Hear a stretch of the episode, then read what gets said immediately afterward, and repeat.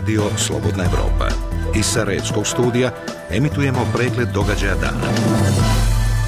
Radio Slobodna Evropa. Vijesti.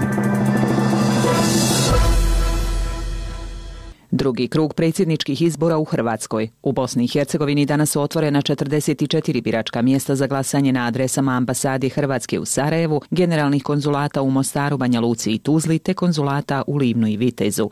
Nešto više od 3 miliona i 860 hiljada birača u Hrvatskoj i još 47 država odlučuje hoće li na čelu Hrvatske države u idućih pet godina biti kandidat lijevog centra, bivši premijer Zoran Milanović ili kandidatkinja desnog centra, aktuelna predsjednica Kolinda Grabar-Kitarović. Iz Zagreba se javlja Enis Zebić. Kandidat socijaldemokratske partije Hrvatske i više manjih stranaka ljevog centra Zoran Milanović u prvom je krugu dobio 29,5% glasova izišlih birača, a kandidatkinja HDZ i stranke Zagrebačkog gradonačelnika Milan Bandić 365, Kolinda Grebar-Kitarović 26,5%. Na glasanje izišlo 51,20% upisanih birača. Drugi krug izbora je bez jasnog favorita. Najnovije ankete daju malu prednost Milanoviću, ali upozoravaju da se ona smanjuje.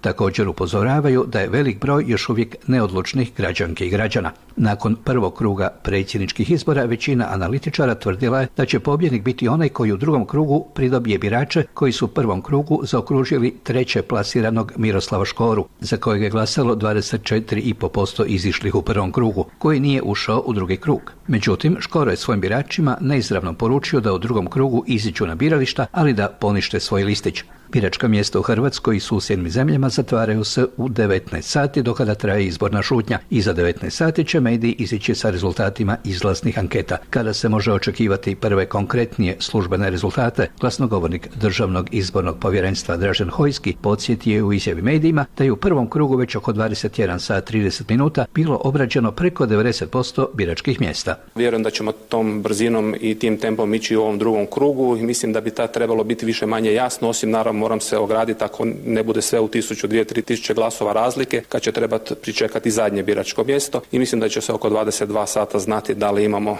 novog predsjednika Republike ili dosadašnja predsjednica dobiva novi petogodišnji mandat. Izbore promatra preko 24 tisuće promatračica i promatrača. Za radio Slobodna Evropa iz Zagreba, Enis Zajebić. Šestero ljudi za koje se vjeruje da su njemački državljani poginulo je u južnom Tirolu na sjeveru Italije nakon što je automobil udario u grupu od 17 ljudi. Požar je u Australiji već sedmicama haraju jugoistokom zemlje. Trenutno širom zemlje bukti 146 požara, od čega ih 65 nije pod kontrolom. Dok stanovništvo napušta područje pogođeno nepogodom, veliki broj životinja ostao je zarobljen u vatri gdje je i stradao. Procjenjuje se da je u požarima koji haraju Australijom uginulo više od 480 miliona životinja. Na graničnim prilazima Gradiška, Donja Gradina, Šamac, Izačić i Velika Kladuša sa Hrvatskom pojačana je frekvencija vozila na izlazu iz Bosne i Hercegovine. Na graničnom prilazu Rača duga je kolona vozila na ulazu u Bosnu i Hercegovinu, a na prilazu Karakaj u oba pravca. U Bosni je prije podne bilo umjereno pretežno oblačno vrijeme sa slabim snijegom u centralnim i istočnim područjima. U Hercegovini malo do umjereno oblačno i sunčano uglavnom bez padavina. Do kraja dana slabije padavine su lokalno moguće u centralnim, istočnim i sjeveroistočnim područjima. Slušali ste vijesti Radija Slobodna Evropa. Moje ime je Mirna Sadiković. Radio Slobodna Evropa, program za Bosnu i Hercegovinu. Na vratima Evrope. Emisija o evropskim integracijama.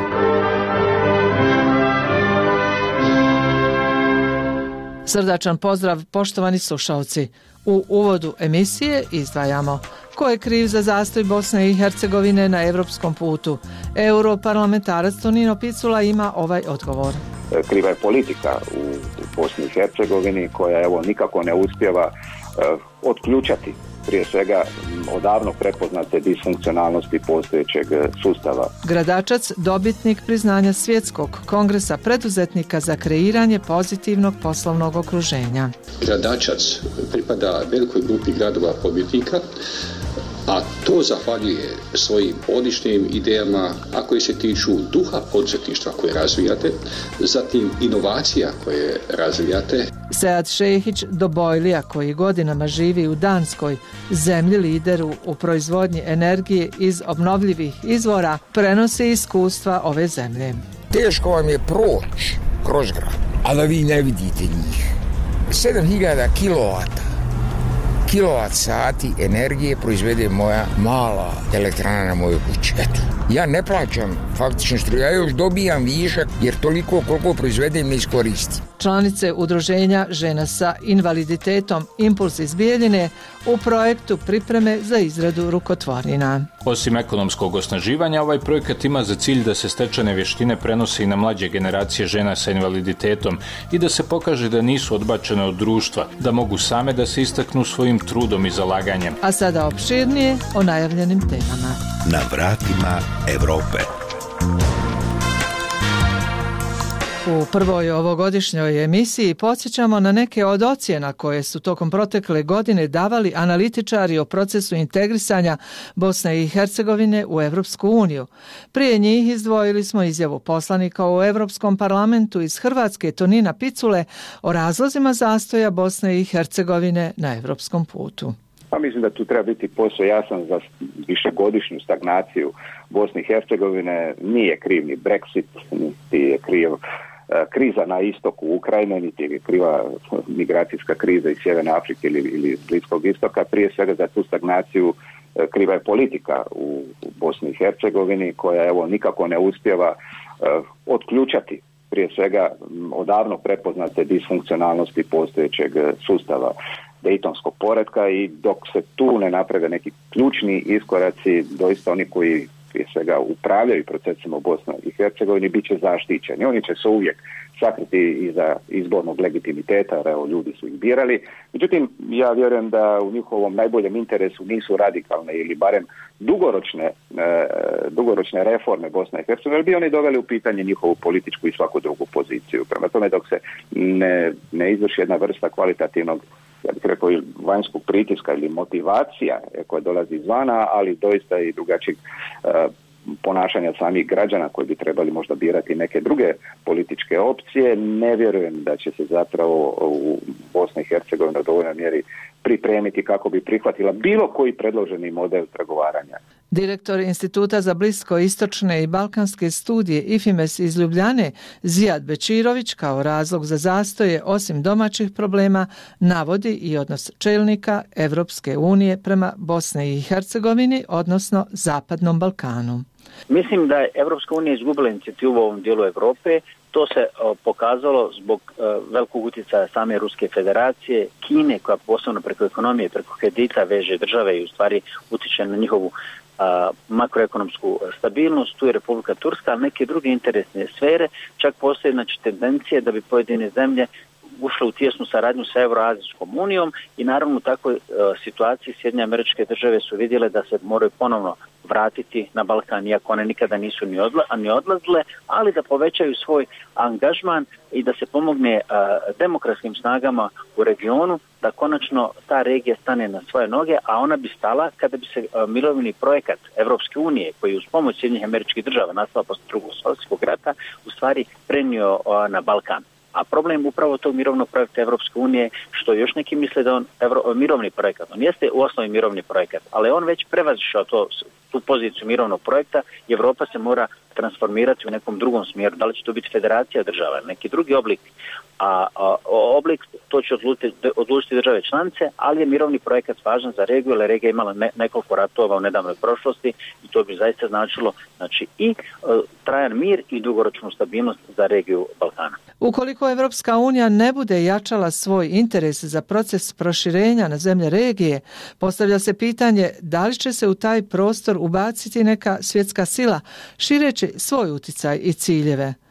Profesor na Sarajevskoj visokoj školi za nauku i tehnologiju Jasmin Hasić o toj mogućnosti kaže.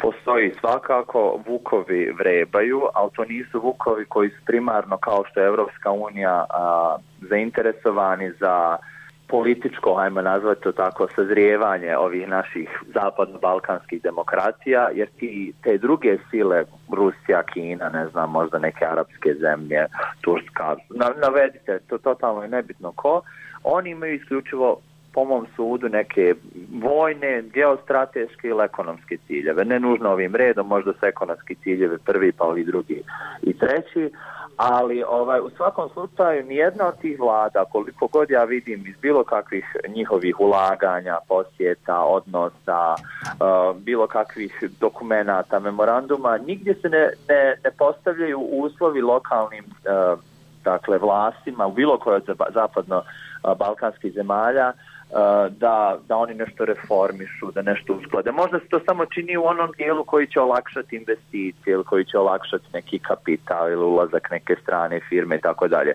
A u suštini te zemlje, pošto i same nisu neki primjeri dobrih praksi u demokraciji i ljudskim pravima, te zemlje to generalno ni ne interesuje da, da se i naše zemlje reformišu.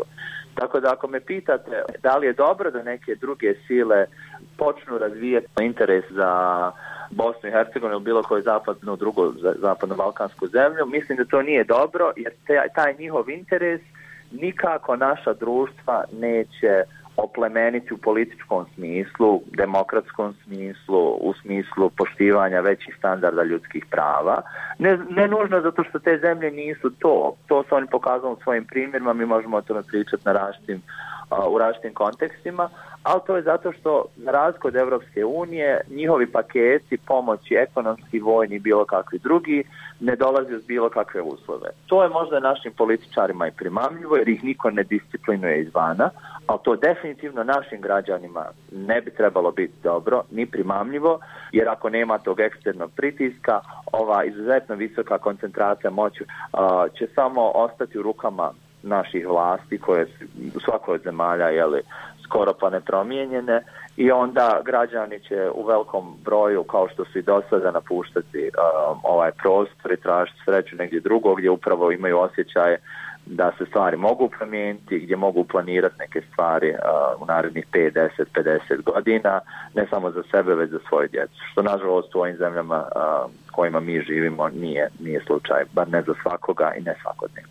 Univerzitetska profesorica iz Sarajeva Nečma Đananović Miraščija je u jednoj od naših emisija komentarisala činjenicu da Bosna i Hercegovina još uvijek nema kandidatski status. To što smo mi država bez e, statusa kandidata e, razotkriva potpunu podkapacitiranost naših političkih elita za vođenje reformskih i integracijskih procesa. Ja moram podsjetiti da je početkom vijeka gotovo podruku s Hrvatskom Bosna i Hercegovina bila na čelu tog procesa. E, onog trenutka e, nekoga veže za neusvajanje aprilskog paketa, neko, neko za dolazak SNSD-a na vlast u RS-u 2006. E, u svakom slučaju jel, oba, oba događaja su bila 2006.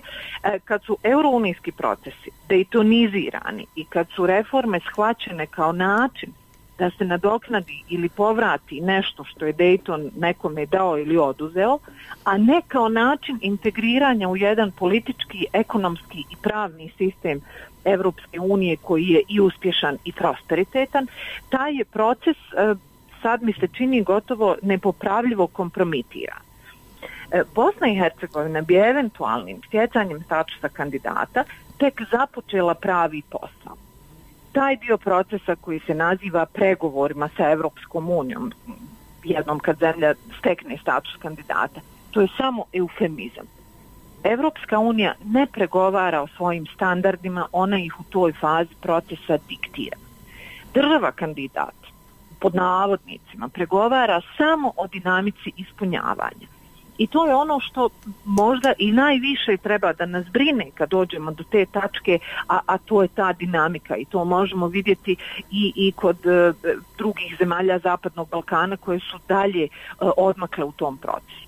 Zapadni Balkan kao cijelina je od 97. u, u, u EU čekaonice i to je sad već više decenijski proces i mislim da je vrlo opravdan strah ne samo Bosne i Hercegovine već, već um, i, i svih drugih čak i onih koji su dalje u tom procesu da proširenje na Zapadni Balkan uh, već poprima obrise takozvanog turskog scenarija, odnosno jednog više decenijskog procesa kojem se ne nazire happy end. Pred zemljama regiona je vrijeme priključenja bez priključenja, a nijedna se neće moći pridružiti Evropskoj uniji ukoliko taj proces ne budu gurale Sjedinjene američke države, ocjenjuje profesor Sarajevskog univerziteta Nerzuk Čurak u razgovoru za radio Slobodna Evropa. Čurak smatra da odbijanje Evropske unije da počne pregovore o pridruživanju sa Albanijom i Sjevernom Makedonijom može ojačati euroazijske i proruske tendencije te ohrabriti antievropske snage u regionu. Mi smo bukvalno in between, znači u između. To znači da, da nas čeka jedan e, period kojeg zovem strategija priključenja bez priključenja. Pod tim podrazumijevam dakle e, jedno više decenijsko ispunjavanje uvjeta, unutrašnja transformacija naših zemalja sa idejom da u bližem e, evropskom susjedstvu zemlje više ne proizvode onu količinu konflikata i napetosti koje bi moglo ugroziti samo Evropsku uniju. Dakle, u velikoj mjeri sam skeptičan sa brzinom ulaska naših zemalja u Evropsku uniju, iako i dalje sanjam taj san i smatram da apsolutno ne postoji bolja ideja u ljudskoj povijesti od Evropske unije i od toga da mi zemlje Balkana budemo jeli, članice tog velikog en, eh, kontinentalnog entiteta. Ali u vrlo kratkom vremenu su moguće ozbiljne geopolitičke turbulence, intenzivnije prisustvo Sjedinjenih država, ali na onim principima američke vanjske politike koji zagovaraju da nema nikakve promjene granica ni jedne zemlje u regionu, da je to najbolja vijest za naše zemlje, jer uvjeren sam da je na, da nema ulaska naših zemalja u Evropsku uniju ako taj proces ne guraju Sjedinjene američke države. Na vratima Evrope. Emisija o evropskim integracijama. Na Svjetskom kongresu preduzetnika koji je održan u Skoplju, gradačicu je dodijeljena nagrada Global Lokal za kreiranje pozitivnog okruženja u razvoju preduzetništva. Riječ je o jednom od najvećih poslovnih događaja na Balkanu u kojem je učestvovalo preko 180 lokalnih zajednica iz sedam zemalja. Priznanje je nedavno u zgradi gradske uprave Gradačac uručeno gradonačelniku Edisu Dervišagiću. Informiše Zoran Matkić. Priznanje u kategoriji najbolje lokalne zajednice u 2019. godini pod nazivom Global Lokal gradacu je dodijeljeno za kreiranje dobrog ambijenta za razvoj poduzetništva u srednjoj i jugoistočnoj Europi. Vinko Ćuro, zamjenik predsjednika Međunarodnog komiteta za dodjelu nagrada Global Lokal iz Hrvatske. Kad kažem da za nagradu trebaju biti izabrani najbolji među najboljima, Dakle, je činjenica i potrebna, potreba da oni koji dobiju nagradu Global Lokal, dakle, i u budućnosti budu na neki način vodilja svima onima koji su u, obla, u dijelu dakle, stvaranja ambijenta za razvoj poduzetništva, slabiji od njih da bi se ti slabiji dakle, mogli ugledati na njih.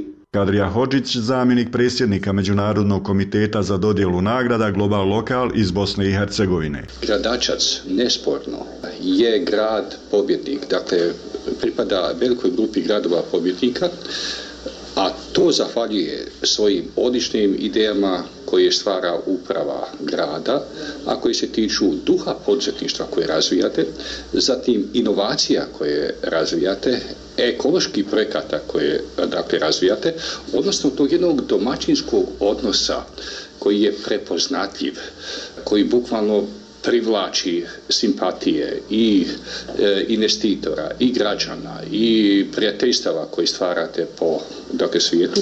Dakle, sve to nije moglo, a da ne bude prepoznato na ovom najvišem nivou. Gradonačelnik gradašca Edis Derviš Ragić kaže kako je počastvovan što su članovi Međunarodnog komiteta za dodjelu nagrada i priznanja Global Lokal odlučili da je grad gradača zaslužio to priznanje, koje mnogo znači kako o, lokalnoj administraciji, tako i poduzetnicima, tako i samim građanima i vjerujem da će ovo priznanje doprinijeti da se grad Gradačac kao jedna uspješna lokalna zajednica, kao privredna zona promovira i u širim granicama. Eurozona. Eurozona. Eurozona. Eurozona. Učimo od drugih, a danas od Danske, u kojoj živi elektroinženjer iz Doboja Sead Šehić. Njegova nova domovina je poznata po proizvodnji energije iz obnovljivih izvora, u čemu je među vodećim državama Evropske unije. Šehić je napravio projekat Doboj grad solarne energije, na koji ni poslije godinu dana nije dobio odgovor lokalne vlasti. U razgovoru za naš program poručio je da bi Bosna i Hercegovina od Danske mogla naučiti kako više brinuti o svojim građanima. Pripremio Arnes Grbešić. Bosna i Hercegovina je danas država velike socijalne nepravde. O tome dovoljno govore visina penzija i privilegije političara, kaže penzionisani elektroinženjer iz Doboja Sead Šehić, koji u posljednjih 30 godina živi u Danskoj. Jedan čovjek koji je radio, koji ima recimo 300 ili 400 ili 500 maraka penziju, a jedan zastupnik ili poslanik ili kako se već zove, dobije 30.000 maraka od primninu kad ide u penziju. Znate vi koliko je to? To je socijalna nepravda. Ja kad moram živjeti od bosanske penzije, ja bi živio jako ružno. Šta ona znači? Ne znači ništa. Ja, ja to dajem, ne, ne koristim je ja. Ima u mojoj porodici ili mojoj familiji oni koji koriste tu moju penziju odavde. S druge strane, Danska je socijalna država, nastavlja Šehić i pokazuje na mobitelu grafikom budžeta skandinavskih zemalja. Živimo u jednoj finoj zemlji koja je uređena, u kojoj ne morate ništa misliti. Sve ljudi misli za vas, država misli za vas. Da živite u jednoj socijalnoj zemlji, ja to vam mogu pokazati. Znači, 43% socijalna sigurnost, penzije, pomoć nezaposlenim, bolovanja, porodiljsko, socijalna davanja, svih vrsta. Funkcionisanje državi, 12%. Za zdravstvo, 13%. Za školstvo, obrazovanje, 14%. Za kulturu, 2%. Odbrana zemlje, 3%. 8% ima komunikacija i energija. Da. I to vam govori u kakvoj zemlji živite. Sead Šehić živi u zemlji koja je među vodećim državama Evropske unije prema proizvodnje energije iz obnovljivih izvora. Lider je po dobijenoj energiji iz vjetra. Oni imaju sreću za te vjetroelektrane, oni imaju vjet, velike vjetroparkove, imaju, ali imaju ih najmanje 500.000 krovova sa malim elektranama. Dvadesetak solarnih panela na južnoj strani kroba kuće koja se nalazi u Maribu, turističkom gradiću na jugu Danske, ima i naš sagovornik koji je zaradio penziju u jednoj tamošnjoj firmi za razvoj medicinskih uređaja i automatizaciju proizvodnih procesa. Teško vam je proći kroz grad, a da vi ne vidite njih. 7000 kilovata kilovat sati energije proizvede moja mala elektrana na mojoj kući. Eto, ja ne plaćam faktično struju, ja još dobijam višak jer toliko koliko proizvedem ne iskoristim. Država nema neki posebni posticaja tu, ali ima nešto drugo, to je energija je nešto, nešto skuplja proizvedena na taj način i na kraju godine saberete i dobijete da ste vi, recimo, njima nešto dužni ili su oni vama nešto dužni. Ovdje je problem što ljudi imaju jednu, samo jednu želju, a to je da istog dana nešto ulože i da nešto dobiju. Ne može tako. Poslije danskih iskustava Šehić se zbog razvoja proizvodnje struje i sunčeve energije obratio i nadležnima u gradskoj upravi u Doboju. Hiljad krova solarni kolektor.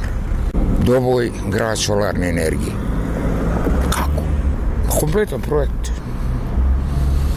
Hajde. Kome ste to ponudili, prezentirali? Po opštini Doboj u, u birovu za evropske integracije ili ne znam kako je zovu. Nikad odgovor. Puno jednu godinu dana. Koncepciju toga sam ja napravio. Ali ima jedan uslov. Niko ne smije ukrasti ni jednu. Niko ne može dobiti ni jednu. Marko, Marko. Elektrotehnički fakultet Sead Šehić je tokom 70. godina završio u Sloveniji. Za svoju porodicu kaže da je za vrijeme bivše Jugoslavije bila pečalbarska, a o današnjem odlasku mladih iz Bosne i Hercegovine razmišlja ovako. To je ispravan način. Kaže što se ne bori. Pitanje gdje se, dokle se ja mogu boriti. Nije vrijeme za život mladi ljudi u Bosni. Ja mislim da je to jako dobro da naši mladi ljudi i obrazovani idu da bi, promije, da bi ako uspijemo promijeniti način e, razmišljanja u našoj glavi. Znate, jer ovo, ovo kako ljudi razmišljaju ovdje, to je, to je, to je začudno. Kako razmišljamo? Pa nikako. Hoće ti ispričam kako je jedna, kako sam vidio jednu staricu u Njemačkoj. na televiziji do duše. Jedna starica ide na izbore sa štapom, sa malom tašnom ovde. Znaš kako jedna stara, fina žena može da izgleda. I pita je jedan takav ko ti, da li zna za koga će glasati? Kaj znam za koga neću. Neću glasati za oni prošli puta jer mi nije dobro. Ovdje svi pričaju da im je dobro, glasati, stalno su isti. Reforme za Evropu.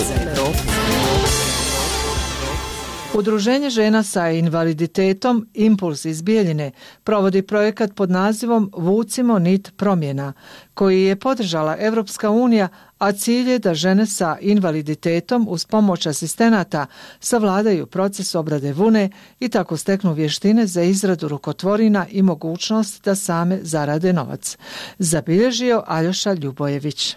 Udruženju žena sa invaliditetom Impuls iz Bijeljine odobren je osmomjesečni projekat u okviru kojeg će 16 žena sa invaliditetom isto toliko njihovih pomoćnika biti obučeno da izrađuju predmete od filcane vune. Izvršni direktor udruženja Tanja Milinković ističe da je cilj projekta kvalitetniji život žena sa invaliditetom. Ovaj proces obrade, filcanja, bojenja vune svako može raditi individualno kod kuće. I evo kod nas u obuci učestvuju, znači žena sa invaliditetom sa članom svoje porodice, da li je to član uže porodice ili dalje, ili čak i njena prijateljica ukoliko živi sama ili sam, pa tako tu imamo u paru da radi majka i kćerka suprug i supruga, žena sa komšinicom U svakom slučaju, sve mogu da rade same kod kuće, da se bave time i da sutra a, doprinose prihodu finansijskom u svojoj kući, povećavaju budžet. Projekat je počeo u septembru 2019. godine, a trajeće do aprila 2020. O važnosti ideje da žene sa invaliditetom mogu same da privređuju, govori podatak da su se za radionice obradi vune prijavile ne samo članice Impulsa, nego i druge žene koje žele da savladaju ovu vještinu, kaže Milinkovićeva. Sve ukupna obuka kad je u pitanju oblast obrade prirodne vune traje devet dana. Eh, bila je dva dana eh, procesa obrade vune, tri dana eh, bojenje vune, češljane i predene, I, a zatim evo sada četiri dana ćemo raditi filsanje vune i na kraju će također dobiti znanja u oblasti marketinga, ali kada su u pitanju same rukotvorne. Čisto da vidimo kako pakovati taj proizvod u skladu sa njegovom namjenom. Jedna od učesnica projekta pod nazivom Vucimo nit promjena je Miroslava Goronja, master profesor srpskog jezika i književnosti, inače nezaposlena. Nikad nisam ništa čula o filcanju vune. Ovo je jako zanimljivo i može se napraviti šta god vi zamislite. Od nakita, odjevnih predmeta, obuće, pape, mama i ja smo se prijavile, ona kao moja podrška, planiramo posle ove obuke da kupimo neku količinu vune, da same kući počnemo za svoju prvo ovaj, volju da radimo neke odjevne predmete. Ako se pokažemo kao dobre u tome, možda je nešto da prodamo, ovaj, pa tako da pospješimo naš kućni budžet. Da rad sa rukotvorinama može biti ekonomski održiv, dokazala je Dragana Erlingsen iz Sarajeva, koja je ženama sa invaliditetom iz Bijeljine održala radionice o filcanju, postupku presovanja vune. Dragana je sama naučila ovu vještinu od koje danas uspješno živi. Ja recimo e, svoje proizvode plasiram, ne plasiram ih ja. Ima čovjek u Sarajevu koji prodaje to i većinom su to stranci ljudi, ili ljudi koji dolaze iz bivše Jugoslavije u Sarajevo da vide turistički, a u inostranstvu to puno, puno više košta i ljudi to kupuju i cijene ručni rad. Osim ekonomskog osnaživanja, ovaj projekat ima za cilj da se stečene vještine prenose i na mlađe generacije žena sa invaliditetom i da se pokaže da nisu odbačene od društva, da mogu same da se istaknu svojim trudom i zalaganjem, dodaje izvršna direktorka Impulsa Tanja Milinković čak vidim da se to već međusobno druženje, to je neka dodatna nota, neke nove ideje, pa onda se pojavi da ova zna da šije, pa već ono kao hajde sljedeći put da ova nas uči šivenju, a onda vidite ako to sašimo možemo sutra ugraditi filcan motiv na tom sašlenom komadu od pamuka recimo, o, ideje se nove neke dalje grade za sutra Projekat Vucimo nit promjena vrijedan oko 20.000 maraka realizuje se u okviru regionalnog programa lokalne demokratije na Zapadnom Balkanu koji finansira Evropska unija, sprovodi UNDP, u ovom slučaju i uz pomoć gradske uprave grada Bijeljina. Slobodnaevropa.org Toliko ove nedjelje, poštovani slušalci. Hvala na povjerenju i ugodno poslijepodne žele vam Enes Hrničić i Gordana Sandić-Hadžikasanović.